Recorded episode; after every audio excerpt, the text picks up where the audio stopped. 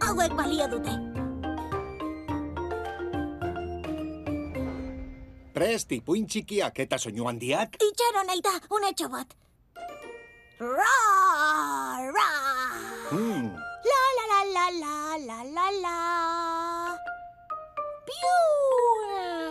Primeran, orain bai, grabatzera semedan bor, Eta ita txor, txor. biok aurkeztuta, ipuin txiki, Soinu handi. gaur gurekin...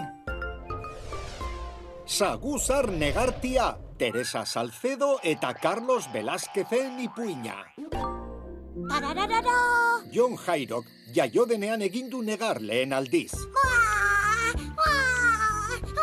Bueno, hori ez da bitxia, ume guztiek egiten baitute negar jaiotzen direnean.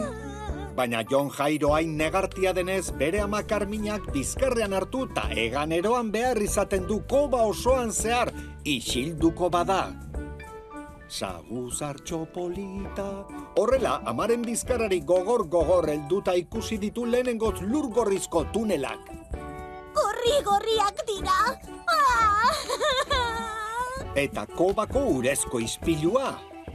Nor da hori? Ai, neu naiz. Ah. Esneak negar egiteko gogoa ematen dio. Mm, ah, Hau bai ez negozoa. Gehiago, gehiago nahi dut. Zoragarria da dena. Negar eginda denetarik lortzen du. Eta Jon Jairo poza parretan dabil.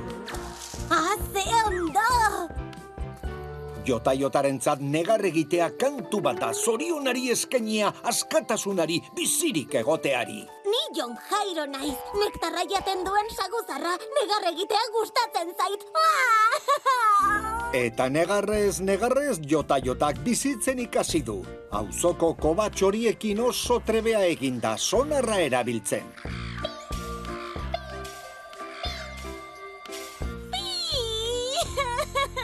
Joe txinbila osabarekin begiak itxita egan egiteko arte zailean ere trebea eginda.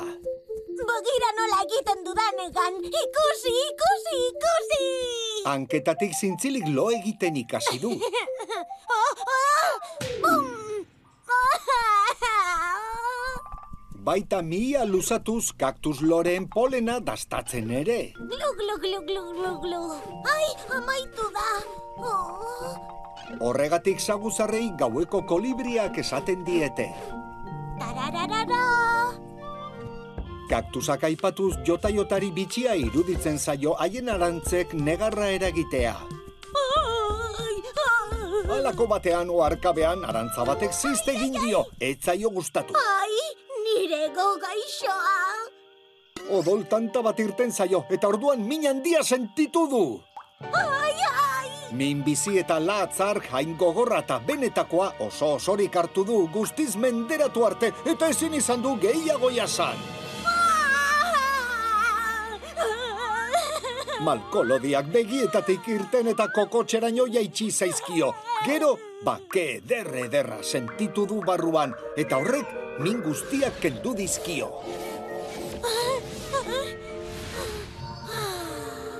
Horrela konturatu da jota-jota negar egiteko arrazoi asko dagoela. Saguzar batzuek adibidez, negar egiten dute agineko minez dabiltzalako. Ai, ai, ai, ai, ai, aginako minez nago.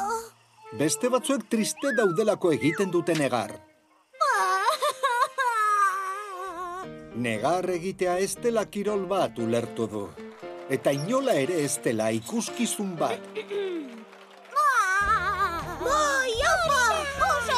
Alderantziz, negarra aparteko jarduera sendagarria dela jabetu da. Oso ekintza serioa izan arren, barrez edo pozez ere egin daitekela negar. Oso pozik nago. Orain jota-jotak beste gauza asko egiten daki, bertsoak egiten ditu, Esne gozoa eman didate katilua bete-bete. keinuak eta kantuak. La,